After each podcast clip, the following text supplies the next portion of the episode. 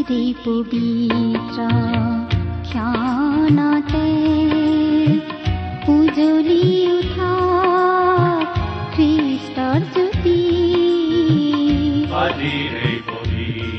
ভক্তিবচন অনুষ্ঠানৰ আজিৰ এই কাৰ্যসূচীলৈ সাদৰ সম্ভাষণেৰে আপোনাক আদৰিছো প্ৰিয় শ্ৰোতা। ভক্তিবচন অনুষ্ঠানৰ আজিৰ এই শিক্ষা শুনিবলৈ আপোনাৰ বহুমূলীয়া সময় খৰচ কৰাৰ বাবে ধন্যবাদ। আপুনি খৰচ কৰা এই সময়খিনিত আপুনি জীৱনৰ এক বিশেষ আশীৰ্বাদ লাভ কৰিব বুলি বিশ্বাস কৰোঁ। আজিৰ এই অনুষ্ঠানে নিশ্চয় আপোনাক জীৱনৰ তৃপ্তি দান কৰিব। এই অনুষ্ঠানৰ শিক্ষাসমূহে আপোনাক আম্মিক আৰু পাৰিবাৰিক সকলো অৱস্থাতে সহায় কৰিব বুলি আশা কৰিছো। আমাৰ বিশ্বাস প্ৰভু যীশুৰ বাণীসমূহে আপোনাক প্ৰচুৰ জীৱনৰ সোৱাদ দিব পাৰে। তেওঁৰ বাক্যই আপোনাক জীৱনৰ সকলো পৰিস্থিতিত থিৰে থাকিবলৈ আৰু উন্নতিৰ পথেৰে অগ্ৰসৰ হবলৈ সহায় কৰিব। ঈশ্বৰৰ এই বাক্যৰে আপুনি যেন প্ৰতিদিন আম্মিকভাৱে অধিক বলৱান আৰু পাৰিবাৰিক শান্তিৰ জীৱন যাপন কৰিব পাৰে তাৰেই কামনা কৰিছো। এই কামনাৰে আপোনালৈ আগবঢ়াইছো বাইবেলৰ শিক্ষামূলক অনুষ্ঠান ভক্তিবচন আহিছিলে ধৰালে নম্ৰ মানৱ ৰূপে মোৰ গোহালি ঘৰত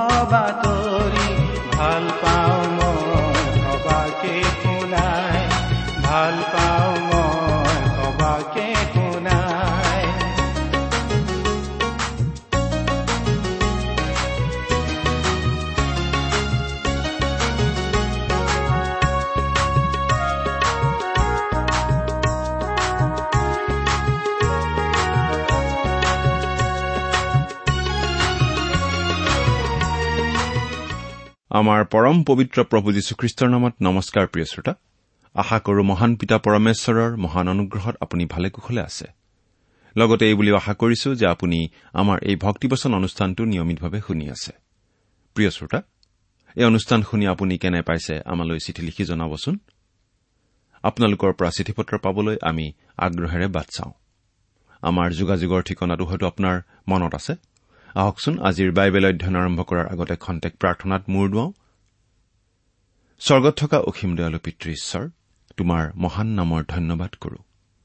তুমি মহান তুমি কৰুণাময় তুমি অনুগ্ৰহৰ আকৰ। তোমাৰ অনুগ্ৰহতেই আজি আমি প্ৰভু যীশুত বিশ্বাস কৰি পৰিত্ৰাণ পাব পৰা হৈছো তোমাক পিতৃ বুলি মাতিব পৰা হৈছো। তুমি আমালৈ যিমান অনুগ্ৰহ দেখুৱাইছা তাৰ বাবে তোমাক ধন্যবাদ দি আমি শেষ কৰিব নোৱাৰো। এতিয়া প্ৰাৰ্থনা কৰিছো তোমাৰ মহান বাক্য বাইবেল শাস্ত্ৰৰ যোগেৰে তুমি আমাক কথা কোৱা। তোমাৰ মাত আমাক শুনিবলৈ দিয়া। কিয়নো এই প্ৰাৰ্থনা আমাৰ মহান ত্ৰাণকৰ্তা প্ৰভু যীশুখ্ৰীষ্টৰ নামত আগবঢ়াইছো।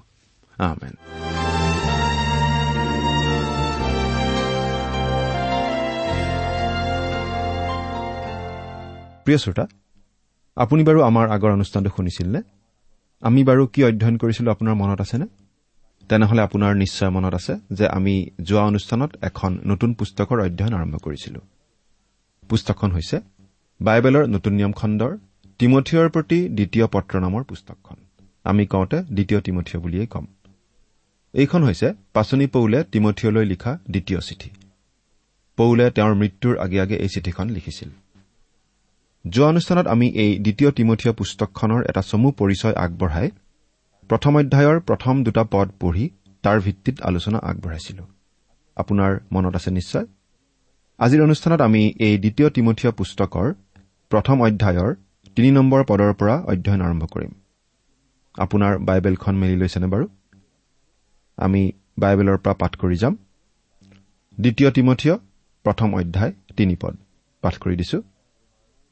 যি বিশ্বাস প্ৰথমে তোমাৰ বুঢ়ী মাৰা লৈৰ আৰু তোমাৰ মাতৃ উনিকিৰ অন্তৰত বাস কৰিছিল আৰু নিশ্চয় বোধ কৰো তোমাৰ অন্তৰতো বাস কৰিছে। তোমাত থকা সেই অকল্পিত বিশ্বাসৰ কথা পুনৰাই মনত পৰাত পাচনি পৌল আগতে যিহুদী ধৰ্ম বিশ্বাসৰ লোক আছিল। কিন্তু তিমঠিয় এটা খ্ৰীষ্টীয় বিশ্বাসী পৰিয়ালৰ পৰাই আহিছিল। তেওঁৰ আইতাক লুই আৰু মাক উনিকি দুয়ো খ্ৰীষ্টীয় বিশ্বাসী আছিল। আৰু এওঁলোক দুয়োৰে প্ৰভাৱে নিশ্চয় তিমঠিয়ক খ্ৰীষ্টৰ প্ৰতি আকৃষ্ট কৰিছিল।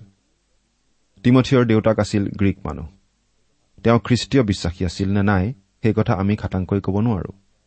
বুঢ়ীমাক আৰু মাকৰ অন্তৰত যি বিশ্বাস আছিল সেই বিশ্বাস তিমঠিয়ৰ অন্তৰতো আছিল বুলি পাচনি পৌলে বিশ্বাস কৰিছিল। এতিয়া আমি চাৰি নম্বৰ পদটো পাঠ কৰি দিম। ইয়াত লিখা আছে মোৰ নিবেদনত নিৰন্তৰে তোমাক সোঁৱৰণ কৰোতে ওপৰ পুৰুষসকলৰে পৰা সূচী বিবেকেৰে যি ঈশ্বৰৰ আৰাধনা কৰো তেওঁৰ অনুগ্ৰহ স্বীকাৰ কৰো। তিমঠিয়ৰ কাৰণে পাচনি পৌলে প্ৰাৰ্থনা কৰিছিল। পাচনি পৌলে বহুতো লোকৰ কথা মনত ৰাখি তেওঁলোকক প্ৰাৰ্থনাত সোঁৱৰণ কৰিছিল। তাৰ মাজত তিমঠিয়ও এজন। তিমঠিয়ৰ বাহিৰেও তেওঁ বহুতো মানুহৰ কাৰণে প্ৰাৰ্থনা কৰিছিল। পাচনি পৌলে বিভিন্ন মণ্ডলীলৈ লিখা পত্ৰবোৰত তেওঁ উল্লেখ কৰা এই মানুহবোৰৰ তালিকা কৰিলে খুব দীঘলীয়া তালিকা এখন হ'ব। প্ৰিয় শ্ৰোতা আপুনি বাৰু কাৰ কাৰ কথা মনত পেলাই প্ৰাৰ্থনা কৰে? আশা কৰো আপোনাৰ মণ্ডলীৰ পালকৰ কাৰণে আপুনি নিয়মিতভাৱে প্ৰাৰ্থনা কৰে। পাচনি পৌলে ইয়াত সূচী বিবেকেৰে ঈশ্বৰৰ আৰাধনা কৰো বুলি কৈছে। আমাৰ বিবেক বাৰু কেনেকৈ সূচী হয়? যেতিয়া আমাৰ সকলো পাপ ক্ষমা হৈ যায় তেতিয়াই আমাৰ বিবেক সূচী হয়। আমাৰ বিবেক সূচী কৰে প্ৰভু যীশুৱে তেওঁৰ অমূল্য তেজৰ দ্বাৰা। বাইবেলত এনেদৰে লিখা আছে কিয়নো ছাগৰ আৰু ভতৰাৰ তেজে আৰু অসুচীবিলাকক শান্তি কৰা চেউৰীৰ ভস্মই যদি তেওঁবিলাকৰ মাংসৰ সূচিতাৰ অৰ্থে পবিত্ৰ কৰে তেন্তে যিজনাই অনন্ত আত্মাৰে নিষ্কলংক বলিস্বৰূপে নিজকেই ঈশ্বৰৰ উদ্দেশ্যে উৎসৰ্গ কৰিলে সেই খ্ৰীষ্টৰ তেজে জীৱনময় ঈশ্বৰৰ আৰাধনাৰ অৰ্থে তোমালোকৰ বিবেকক মৃত কৰ্মৰ পৰা কিমান অধিক গুণে সূচী কৰিব? ইব্ৰী ন অধ্যায় তেৰ আৰু চৈধ্য পদ। আমি যেতিয়াই প্ৰভু যীশুৰ যোগেদি আমাৰ বিবেক সূচী কৰি পিতৃ ঈশ্বৰৰ আৰাধনা কৰো তেতিয়া আমি পিতৃ ঈশ্বৰৰ অনুগ্ৰহ স্বীকাৰ নকৰি নোৱাৰো। পিতৃ ঈশ্বৰে আমাক অনুগ্ৰহ নকৰা হলে আমি যে নৰকলৈ গলোহেঁতেন সি ধুৰূপ এতিয়া পাঁচ নম্বৰ পদটো পঢ়িম। আৰু তোমাৰ চকুলো সোঁৱৰণ কৰি আনন্দেৰে পূৰ হবৰ কাৰণে তোমাক দেখিবলৈ ৰাতিয়ে দিনে বৰ ইচ্ছা কৰো। পাচনি পৌলে যে তিমঠিয়ক খুব ভাল পাইছিল সেই কথা আমি জানো। কিন্তু তিমঠিয়ও যে পাচনি পৌলক অতিপাত ভাল পাইছিল সেই কথাটো আমি এই পদটো পঢ়িলেই বুজি পাওঁ। ইতিমধ্যে পৌলক বন্দী কৰা হৈছিল আৰু তেওঁক বন্দীশালত ৰখা হৈছিল। তেওঁৰ মৃত্যুদণ্ডও হ'ব পাৰে বুলি তিমঠিয়ই জানিছিল। সেই কথাটোৱে তিমঠিয়ৰ মনত অতিশয় বেজাৰ দিছিল। সেইবাবেই পাচনি পৌলে লিখিছে তোমাৰ চকুলো সোঁৱৰণ কৰি আনন্দেৰে পূৰ হবৰ কাৰণে তোমাক দেখিবলৈ ৰাতিয়ে দিনে বৰ ইচ্ছা কৰো। এতিয়া ছয় নম্বৰ পদটো পঢ়িম। এইকাৰণে মোৰ হাত দিয়াৰ দ্বাৰাই ঈশ্বৰৰ যি অনুগ্ৰহৰ বৰ তোমাত আছে তাক উজ্জ্বল কৰিবলৈ মই তোমাক সোঁৱৰণ কৰাইছো। পাচনি পৌলৰ জৰিয়তে ঈশ্বৰে তিমঠিয়ক বিশেষ বৰ প্ৰদান কৰিছিল। বিশেষ অনুগ্ৰহৰ বৰ। তিমঠিয় বহুদিন ধৰি পাচনি পৌলৰ লগে লগে আছিল। গতিকে তেওঁ পাচনি পৌলৰ পৰা বহু কথা শিকিছিল। পৌলৰ অতি মৰমৰ সংগী আছিল তিমঠিয় বন্দীশালৰ পৰা ফিলিপিয়া বিশ্বাসীসকললৈ লিখা চিঠিত পাচনি পৌলে লিখিছিল যিজনে তোমালোকৰ বিষয়ে সঁচাকৈ চিন্তা কৰিব এনে মনৰ লোক মোৰ আন কোনো নাই। ফিলিপিয়া দুই অধ্যায় বিছ পদ। কিন্তু তিমঠিয়ৰ মাজত পৌলে তেওঁৰ মনৰ মতন মানুহ এজন বিচাৰি পাইছিল। পৌলে বুজি পাইছিল তিমঠিয়ই শিক্ষা দিয়া প্ৰভু যীশুৰ বাক্য বিলোৱা কাম সুকলমে কৰি যাব পাৰিব। সেইবাবেই তেওঁ তিমঠিয়ক নিজৰ সহকৰ্মী হিচাপে লৈছিল। তেওঁলোক দুয়ো পৰিচৰ্যাত সহভাগী আছিল। ইয়াত আমি দেখিবলৈ পাইছো পাচনি পৌলে তিমঠিয়ক সোঁৱৰাই দিছে যাতে তেওঁত থকা সেই বিশেষ বৰ উজ্জ্বল কৰি তোলে। তিমঠিয়ৰ এই বিশেষ বৰ আছিল আৰু এই বৰ উজ্জ্বল কৰি তুলিবলৈ তেওঁক কোৱা হৈছে। কিয় কোৱা হৈছে বাৰু? আমি খাটাংকৈ ক'ব নোৱাৰো কিন্তু এটা অনুমান হলে আমি কৰিব পাৰোঁ। খুব সম্ভৱ তিমঠিয় যে ইফিচত আছিল সেইকাৰণেই পৌলে অলপ চিন্তা কৰিব লগা হৈছিল। ইফিচতেই আছিল ডাইনা দেৱীৰ মন্দিৰ আৰু এই ঠাই আছিল ৰোমান সাম্ৰাজ্যৰ এখন কুখ্যাত ঠাই। পাপ কাৰ্যৰ বাবে কুখ্যাত। ইফিচত পৌলে নিজে তিনিবছৰ কাল কটাইছিল। সেই ঠাইত বিভিন্ন ধৰণৰ জাগতিক প্ৰলোভন আছিল আৰু সেই কথা পৌলে নিজে জানিছিল। মানুহবোৰৰ আগত ঈশ্বৰৰ বাক্য অলপো কোমল নকৰাকৈ স্পষ্টভাৱে কবলৈ ডেকা তিমঠিয়ই হয়তো অলপ সংকোচ কৰিব পাৰে বুলি পৌলে মনে মনে সংশয় কৰিছিল। সেইবাবেই তেওঁ ডেকা তিমঠিয়ক উদগনি দিছিল যাতে তেওঁ ঈশ্বৰৰ পৰা লাভ কৰা বৰ অধিক উজ্জ্বল কৰিবলৈ চেষ্টা কৰে। এতিয়া সাত নম্বৰ পদটো পঢ়িম। কিয়নো ঈশ্বৰে আমাক ভয়ৰ আত্মা নিদি শক্তি প্ৰেম আৰু সুবুদ্ধিৰ আত্মা দিলে। ঈশ্বৰে আমাক ভয়ৰ আত্মা দিয়া নাই। ভয় মানে আচলতে ইয়াত ভীৰুতাক বুজোৱা হৈছে। আমি প্ৰায়েই এই কথাটো অলপ ভুলকৈ বুজাওঁ। মানুহ হিচাপে আমাৰ ভয় লাগিবই। আনৰ কথা ক'ব নোৱাৰো। আপোনালোকৰ এই অধমে হলে কুকুৰলৈ বৰ ভয় কৰো সাপলৈও ভয় কৰো। উৰাজাহাজেৰে উৰিবলৈও ভয় লাগে। এবাৰ সৰু নাৱেৰে সাগৰৰ মাজলৈ গৈছিলো বৰ ভয় লাগিছিল। অন্থকণ্ঠ শুকাই গৈছিল। গতিকে মই ভয় নকৰো বুলি কেতিয়াও কাৰো আগত ফিতাহী মাৰি ক'ব নোৱাৰো। কিন্তু এটা কথা প্ৰভু যীশুক জনাৰ আগলৈকে মই ভূত প্ৰেতলৈ বৰ ভয় কৰিছিলো। প্ৰভু যীশুক ত্ৰাণকৰ্তা বুলি গ্ৰহণ কৰাৰ পাছত অৱশ্যে তেনেধৰণৰ ভয় আঁতৰি গ'ল। কিন্তু স্বভাৱজাত ভয় কিছুমান আমাৰ থাকেই সেই কথা আমি স্বীকাৰ কৰিবই লাগিব। ভয় হৈছে এটা স্বাভাৱিক প্ৰকৃতি। বহু ক্ষেত্ৰত ভয় আমাৰ বাবে দৰকাৰী। উদাহৰণস্বৰূপে ধৰক আমি সিংহ বা বাঘলৈ নিশ্চয় ভয় কৰিম। ক'ৰবাত বাঘ ওলালে আমি নিশ্চয় সেই ঠাইৰ পৰা আঁতৰি থাকিম। ভয় নকৰো বুলি সিংহৰ আগত আমি জানো জাপ মাৰি দিয়া উচিত হ'ব। এনেবোৰ ক্ষেত্ৰত ভয় আমাৰ বাবে প্ৰয়োজনীয়। আমাৰ ভালৰ বাবেই আমাৰ আত্মৰক্ষাৰ বাবেই।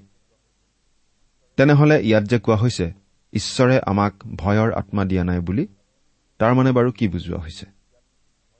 আচলতে ইয়াত ভয় মানে ভীৰুতাৰ কথাহে কোৱা হৈছে। অৰ্থাৎ আমি সৎ কাম কৰিবলৈ ভয় কৰিব নালাগে। সঁচা কথা কবলৈ ভয় কৰিব নালাগে। প্ৰভু যীশুৰ শুভবাৰ্তা ঘোষণা কৰিবলৈ ভয় কৰিব নালাগে। বাইবেলৰ যোগেদি ঈশ্বৰে আমাক যি কথা কৈছে সেই কথা স্পষ্টভাৱে কবলৈ ভয় কৰিব নালাগে। কাৰণ ঈশ্বৰে আমাক ভয়ৰ আত্মা নিদি শক্তি প্ৰেম আৰু সুবুদ্ধিৰ আত্মা দিলে। শক্তি প্ৰেম আৰু সুবুদ্ধিৰ আত্মা। অৰ্থাৎ খ্ৰীষ্টীয় বিশ্বাসীজনৰ জীৱনত শক্তি প্ৰেম আৰু সুবুদ্ধি প্ৰকাশ পাই উঠিব লাগে। খ্ৰীষ্টীয় বিশ্বাসীজনৰ জীৱন হ'ব লাগে নিয়মানুবৰ্তিতাৰ জীৱন। আন কথাত খ্ৰীষ্টীয় বিশ্বাসীজনৰ জীৱন পৰাজয়ৰ জীৱন হোৱাটো ঈশ্বৰে নিবিচাৰে। আমি আমাৰ আৱেগৰ দাস নহৈ সুশৃংখল জীৱন যাপন কৰা খ্ৰীষ্টীয় বিশ্বাসী হ'ব লাগে।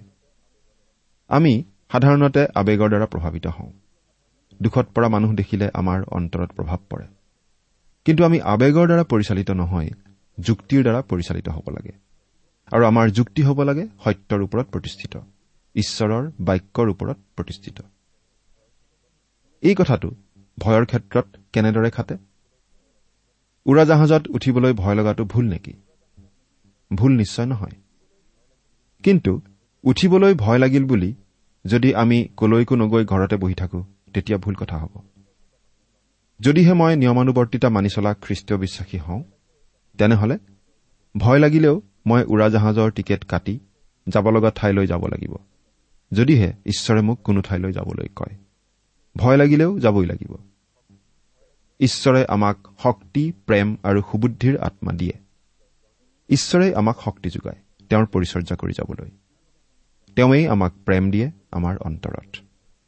কোনো এটা কাম কৰিবলৈ যাওঁতে যদিহে আমাৰ অন্তৰত প্ৰেম নাথাকে তেন্তে সেই কাম সহজ হলেও আমাৰ বাবে বুজাস্বৰূপ হৈ পৰিব।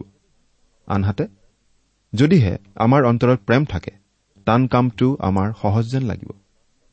ঈশ্বৰৰ প্ৰতি আমাৰ যি প্ৰেম সেই প্ৰেমে আমাক ঈশ্বৰৰ সেৱা কৰি যাবলৈ অনুপ্ৰেৰণা যোগায়। আনহাতে মানুহৰ প্ৰতি যদি আমাৰ অন্তৰত প্ৰেম থাকে আমি মানুহৰ প্ৰতি সেৱা আগবঢ়াই যাবলৈ আগবাঢ়ি যাম। আৰু এই সকলোবোৰ কৰি যাবলৈ যি জ্ঞান যি ধৈৰ্য যি বুদ্ধি আদিৰ প্ৰয়োজন সেই সকলোখিনিও আমাক ঈশ্বৰেই যোগায়। আঠ নম্বৰ পদটো পঢ়িছো। এতেকে আমাৰ প্ৰভুৱে দিয়া সাক্ষ্যৰ বিষয়ে আৰু তেওঁৰ অৰ্থে বন্দিয়াৰ হোৱা যি মই মোৰো বিষয়ে তুমি লজ্জিত নহবা। কিন্তু ঈশ্বৰৰ শক্তি অনুসাৰে শুভবাৰ্তাৰ নিমিত্তে মোৰে সৈতে ক্লেশ সহন কৰা। বহুতো লোকে ভাবে খ্ৰীষ্টীয় জীৱনটো অতি সহজ আৰামেৰে ভৰা জীৱন। আমি বহুতে ভাবি থাকো যে আমাৰ স্বৰ্গত থকা পিতৃ ঈশ্বৰে আমাক অনবৰতে আলফুলকৈ কোলাত লৈ থাকিব আৰু গোলাপ ফুলৰ পাহিৰ দৰে কোমল শয্যাত শুবলৈ দিব।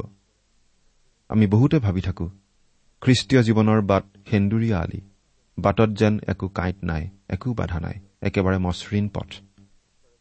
আমি ভাবি থাকো ঈশ্বৰে যেন আমাৰ জীৱনত একো দুৰ্ঘটনা ঘটিবলৈ নিদিব। কিন্তু আচলতে কথাটো তেনে নহয়। প্ৰভু যীশুৱে অতি স্পষ্টভাৱে কৈছে যে খ্ৰীষ্টীয় বিশ্বাসীসকলে এই পৃথিৱীত থকা কালত নানা ধৰণৰ বাধা বিঘিনিৰ সন্মুখীন হ'ব লগা হ'ব। তেওঁ কৈছিল জগতত তোমালোকৰ ক্লেশ আছে। জোহন ষোল্ল অধ্যায় তেত্ৰিশ পদ। খ্ৰীষ্টীয় বিশ্বাসীসকলে ভৱিষ্যতে এই পৃথিৱীলৈ আহিবলগীয়া মহাক্লেশৰ সন্মুখীন হ'বলগীয়া নহয় ঠিকেই। কিন্তু এই পৃথিৱীত থকা কালত আমি সৰু সুৰা ক্লেশৰ সন্মুখীন হ'বলগীয়া হয়। প্ৰভু যীশুৱে তেওঁৰ শিষ্যসকলক আগতেই জনাই দিছিল যে এই জগতে তেওঁলোকক ঘৃণাব। এই জগতে খ্ৰীষ্টীয় বিশ্বাসী লোকসকলক কেতিয়াও আদৰি নলয়। যদিহে কোনো খ্ৰীষ্টীয় বিশ্বাসী লোক এই জগতত খুব জনপ্ৰিয় হয় তেন্তে ক'ৰবাত কিবা কেৰুণ থকা বুলিহে আমি ভাবিব পাৰোঁ। কাৰণ প্ৰকৃত খ্ৰীষ্টীয় বিশ্বাসীজনক এই জগতে কেতিয়াও গ্ৰহণ নকৰে। এই জগতত থকা কালত খ্ৰীষ্টীয় বিশ্বাসীসকলে নানা ধৰণৰ দুখ ক্লেশৰ সন্মুখীন হ'ব লগা হ'বই। পাচনি পৌলেও খ্ৰীষ্টৰ শুভবাৰ্তা প্ৰচাৰ কৰা কাৰ্যৰ বাবেই কাৰাবৰণ কৰিবলগীয়া হৈছিল। কিন্তু তাত লাজ পাবলগীয়া একো নাই। তেওঁ তিমঠিয়কো কৈছে যাতে সেই কথাৰ বাবে তিমঠিয়ই লাজ নকৰে। তেওঁ তিমঠিয়ক কৈছে ঈশ্বৰৰ শক্তি অনুসাৰে শুভবাৰ্তাৰ নিমিত্তে মোৰে সৈতে ক্লেশ সহন কৰা। খ্ৰীষ্টৰ শুভবাৰ্তাৰ নিমিত্তে আমি ক্লেশ সহন কৰিব লগা হ'ব পাৰে।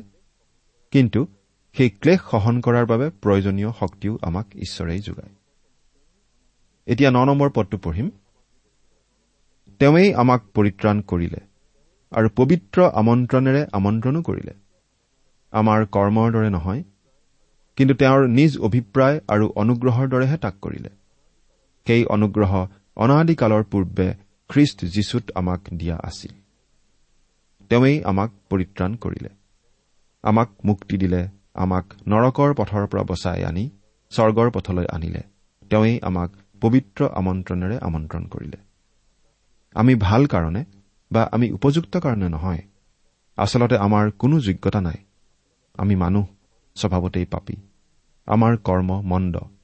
ঈশ্বৰৰ দৃষ্টিত গ্ৰহণযোগ্য নহয়। আমি আমাৰ কৰ্মৰ যোগেদি কেতিয়াও ধাৰ্মিক বুলি পৰিগণিত হ'ব নোৱাৰো। কিন্তু তথাপিতো ঈশ্বৰে আমাক পৰিত্ৰাণ দিলে প্ৰভু যীশুৰ যোগেদি। এয়া তেওঁৰ অনুগ্ৰহৰ দান। তেওঁ নিজ অভিপ্ৰায় অনুসাৰেই এই কাম কৰিলে। সেই অনুগ্ৰহ তেওঁ এতিয়া নহয় অনাদিকালৰ পূৰ্বেই খ্ৰীষ্ট যীশুত আমাক দিয়া আছিল। সেই অনাদিকালতেই তেওঁ আমাক এনেদৰে অনুগ্ৰহ দেখুৱাবলৈ সংকল্প কৰি থৈছিল। মানৱ জাতিৰ বাবে পৰিত্ৰাণৰ এই পৰিকল্পনা পিতৃ ঈশ্বৰে তেতিয়াই কৰি ৰাখিছিল। এতিয়া দহ নম্বৰ পদটো পঢ়িম। কিন্তু এতিয়া আমাৰ ত্ৰাণকৰ্তা খ্ৰীষ্ট যীশুৰ আৱিৰ্ভাৱৰ দ্বাৰাই প্ৰকাশিত হ'ল। তেওঁ মৃত্যুক লুপ্ত কৰি শুভবাৰ্তাৰ দ্বাৰাই জীৱন আৰু অক্ষয়তাক পোহৰলৈ আনিলে। ঈশ্বৰে অনাদিকালতেই পৰিকল্পনা কৰি ৰাখিছিল মানৱ জাতিৰ পৰিত্ৰাণৰ আঁচনি। কিন্তু সেই পৰিকল্পনা তেওঁ প্ৰকাশ কৰিছে প্ৰভু যীশুখ্ৰীষ্টৰ যোগেদি। সেই পৰিকল্পনাক বাস্তৱত ৰূপ দিয়াৰ বাবেই প্ৰভু যীশুক তেওঁ এই জগতলৈ পঠিয়াইছিল। তেওঁ জগতলৈ আহিল মানুহ ৰূপেৰে। তেওঁ মৃত্যুক লুপ্ত কৰিলে আৰু শুভবাৰ্তাৰ যোগেদি জীৱন আৰু অক্ষয়তা বা অমৰত্ব আমালৈ কঢ়িয়াই লৈ আহিল। প্ৰভু যীশুৱে মৃত্যু লুপ্ত কৰিলে মানে তেওঁ মৃত্যুৰ প্ৰভাৱ নোহোৱা কৰি পেলালে। খ্ৰীষ্টীয় বিশ্বাসীজনৰ ওপৰত মৃত্যুৱে আৰু ৰাজত্ব কৰিব নোৱাৰে। তেওঁ মৃত্যুক সম্পূৰ্ণ বেলেগ দৃষ্টিৰে চায়। প্ৰভু যীশুৱে শাৰীৰিক মৃত্যু নোহোৱা কৰি দিয়া নাই। এই পত্ৰখন লিখিবৰ সময়ত পাচনি পৌলে নিজেই মৃত্যুদণ্ড ভোগ কৰিবৰ উপক্ৰম হৈ আছিল। কিন্তু ইয়াত তেওঁ শাৰীৰিক মৃত্যুৰ কথা কোৱা নাই। তেওঁ আম্মিক মৃত্যু অনন্ত মৃত্যুৰ কথাহে কৈছে। এই অনন্ত মৃত্যু হৈছে ঈশ্বৰৰ পৰা চিৰদিনৰ বাবে বিচ্ছিন্ন হ'বলগীয়া এটা অৱস্থা। খ্ৰীষ্টত বিশ্বাস স্থাপন কৰা কোনো লোকেই এই অনন্ত মৃত্যুৰ সন্মুখীন হ'ব নালাগে বৰং খ্ৰীষ্টীয় বিশ্বাসীজনে স্বৰ্গত অনন্ত জীৱনহে লাভ কৰে। কোনো খ্ৰীষ্টীয় বিশ্বাসীয়ে আচলতে মৃত্যুলৈ আৰু ভয় কৰিব নালাগে। নৰকলৈ ভয় কৰিব নালাগে। প্ৰভু যীশুখ্ৰীষ্টই প্ৰতিজন মানুহকেই অনন্ত জীৱন দিব পাৰে অমৰত্ব প্ৰদান কৰিব পাৰে। এঘাৰ নম্বৰ পদটো পঢ়িম। সেই শুভবাৰ্তাৰ নিমিত্তে মই ঘোষণাকাৰী পাচনি আৰু শিক্ষক নিযুক্ত হলো। সেই শুভবাৰ্তা প্ৰচাৰ কৰিবৰ বাবেই পৌলক পাচনি হিচাপে প্ৰভু যীশুখ্ৰীষ্টই নিযুক্তি দিছিল। তেওঁ শুভবাৰ্তা ঘোষণাকাৰী তেওঁ পাচনি আৰু শিক্ষকো। বাৰ পদ। এইকাৰণে মই এইবোৰ দুখ ভোগো কৰিছো। তথাপি লজ্জিত নহওঁ কিয়নো মই যিজনাক বিশ্বাস কৰিলো তেওঁক জানো আৰু তেওঁৰ হাতত মই যিহকে গতাই দিলো তাকে তেওঁ যে সেই দিনৰ নিমিত্তে পহৰা দি ৰাখিবৰ সমৰ্থ ইয়াকে দৃঢ় প্ৰত্যয় কৰিছো।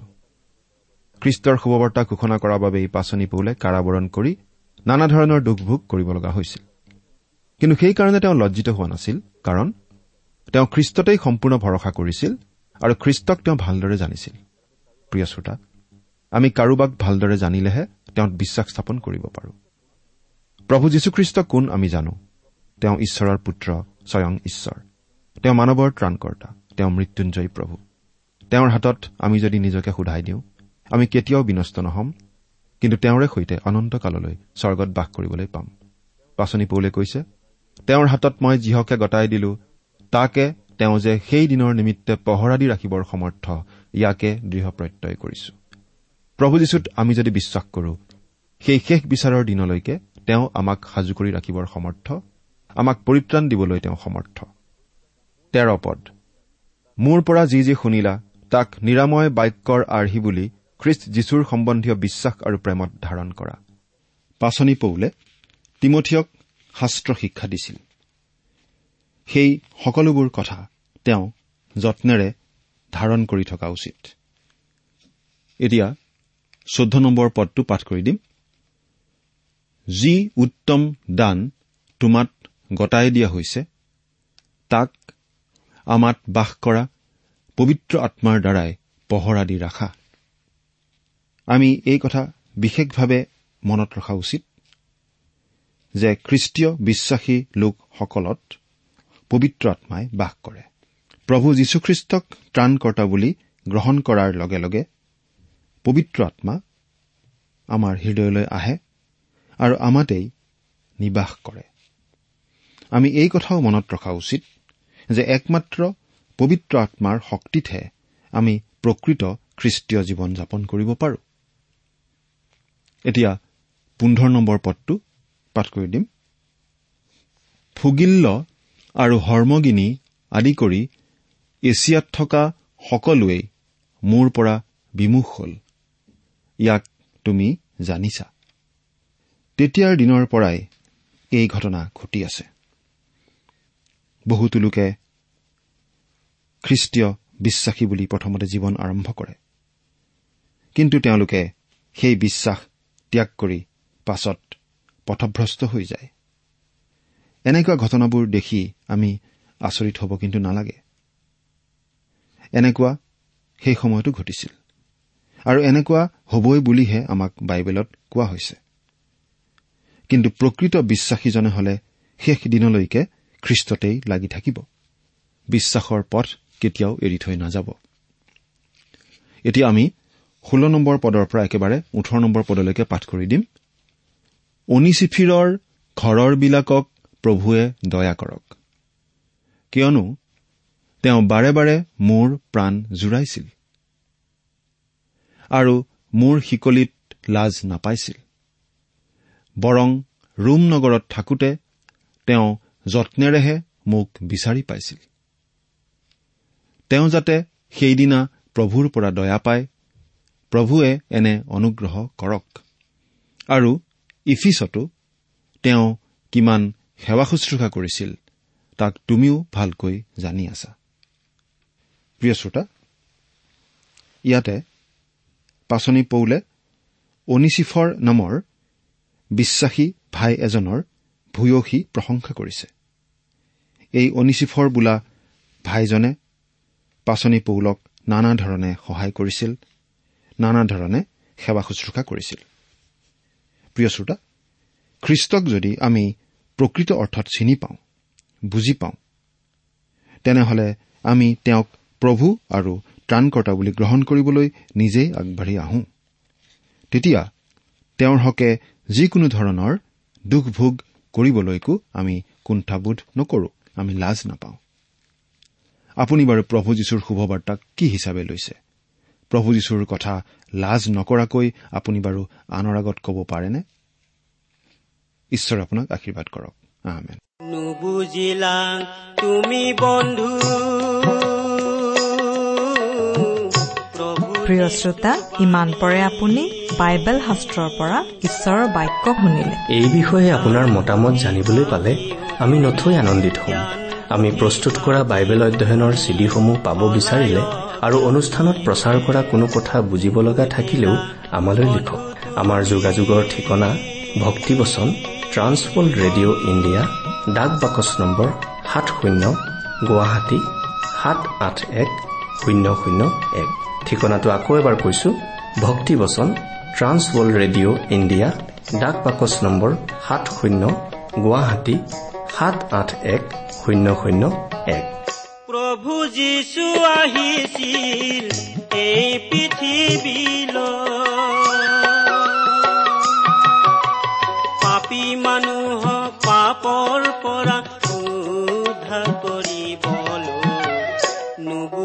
আমাৰ ইমেইল এড্ৰেছটো হৈছে Assamese T TV at the rate radio' eight eight two dot com আমাৰ website W W W dot T W R dot in আপুনি টেলিফোনৰ মাধ্যমেৰেও আমাক যোগাযোগ কৰিব পাৰে। আমাৰ টেলিফোন নম্বৰটো হৈছে nine eight five four zero' four zero' eight eight nine phone নম্বৰটো আকৌ এবাৰ কৈছো ন আঠ পাঁচ চাৰি শূন্য চাৰি।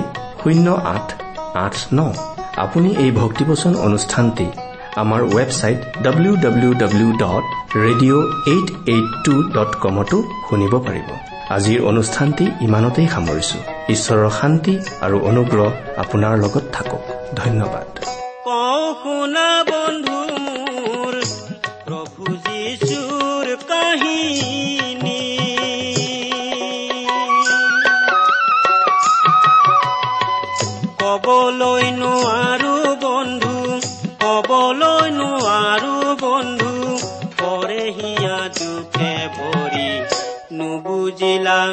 বন্ধু তুমি। প্ৰভু যীশুৰ বাণী। জ্ঞান বুদ্ধি থাকিও তুমি জ্ঞান বুদ্ধি থাকিও তুমি হলায় জ্ঞানী হে। নুবুজিলা বন্ধু তুমি।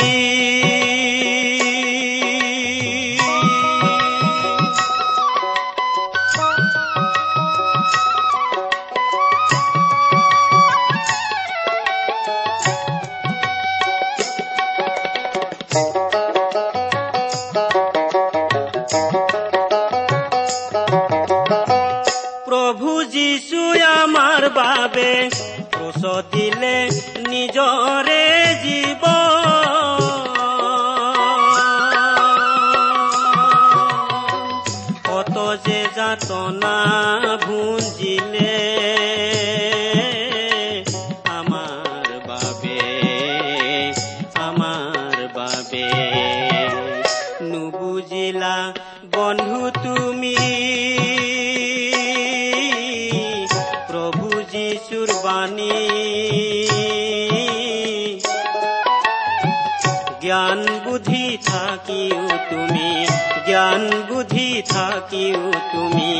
হলায় জ্ঞানী হে নুবুজিলা বন্ধু তুমি।